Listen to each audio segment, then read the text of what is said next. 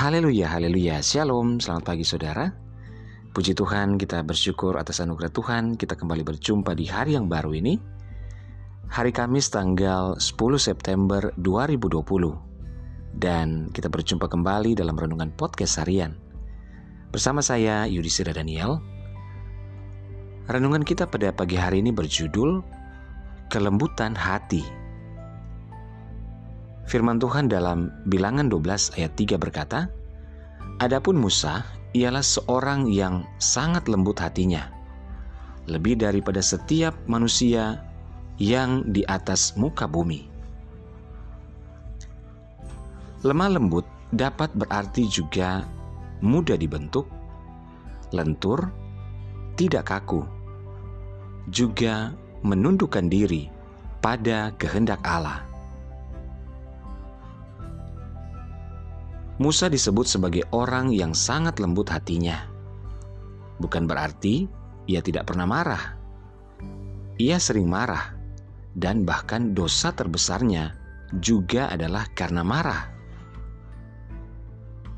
Namun, ia belajar untuk menahan diri dan bersikap lemah lembut pada saat yang tepat. Ketika ditantang oleh Maryam dan Harun Musa tidak membela dirinya. Tuhanlah yang membela Musa dengan memaparkan keistimewaannya di hadapan Maryam dan Harun. Maryam mendapatkan hukuman berupa penyakit kusta. Kusta adalah lambang tulah atau hukuman Tuhan. Orang kusta harusnya diasingkan. Melihat itu, Harun memohon kepada Musa agar mereka dilepaskan dari hukuman.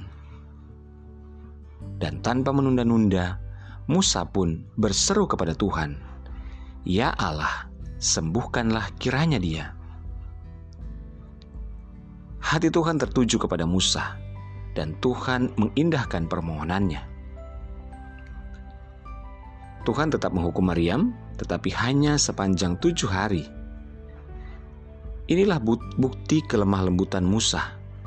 Di satu sisi, ia sama sekali tidak merasa bersuka cita atas pembalasan yang dilakukan Tuhan terhadap saudaranya. Dan di sisi lain, ia tetap tunduk kepada kehendak Tuhan. Saudara, bagaimanakah dengan sikap hati kita ketika ada orang yang menyinggung dan menyakiti perasaan hati kita? Bagaimana sikap hati kita ketika orang berbicara hal yang buruk tentang diri kita?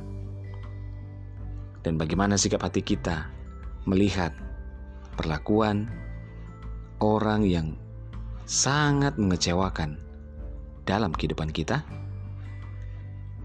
Marilah kita belajar memiliki kelemah lembutan dalam hati kita. Mata Tuhan tertuju kepada orang-orang yang lemah lembut hatinya.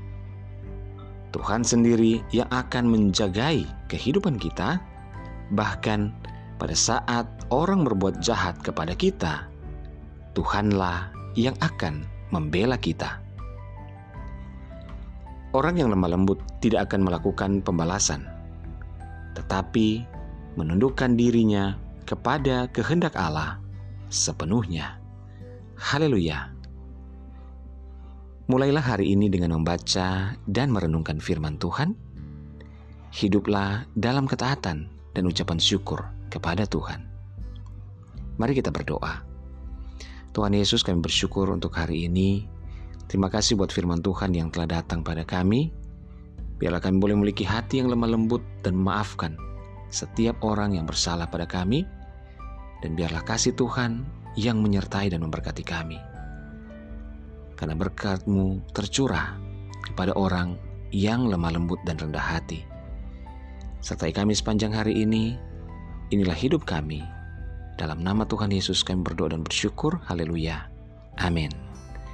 Puji Tuhan tetap semangat menjalani hari ini dan bersuka citalah karena Tuhan senantiasa menyertai dan memberkati kita. Haleluya.